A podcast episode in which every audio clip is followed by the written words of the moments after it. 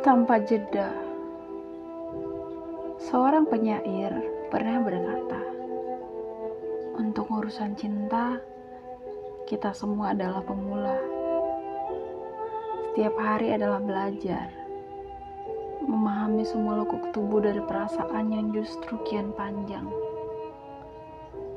Resikonya hanya ada dua, bahagia atau menjadi gila.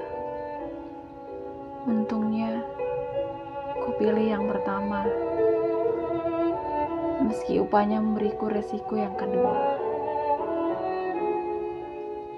Mencintaimu tanpa jeda, namamu sempat tak pernah lepas dari dalam doa.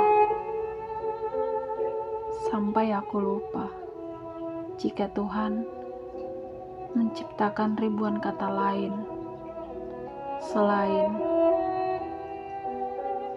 kamu.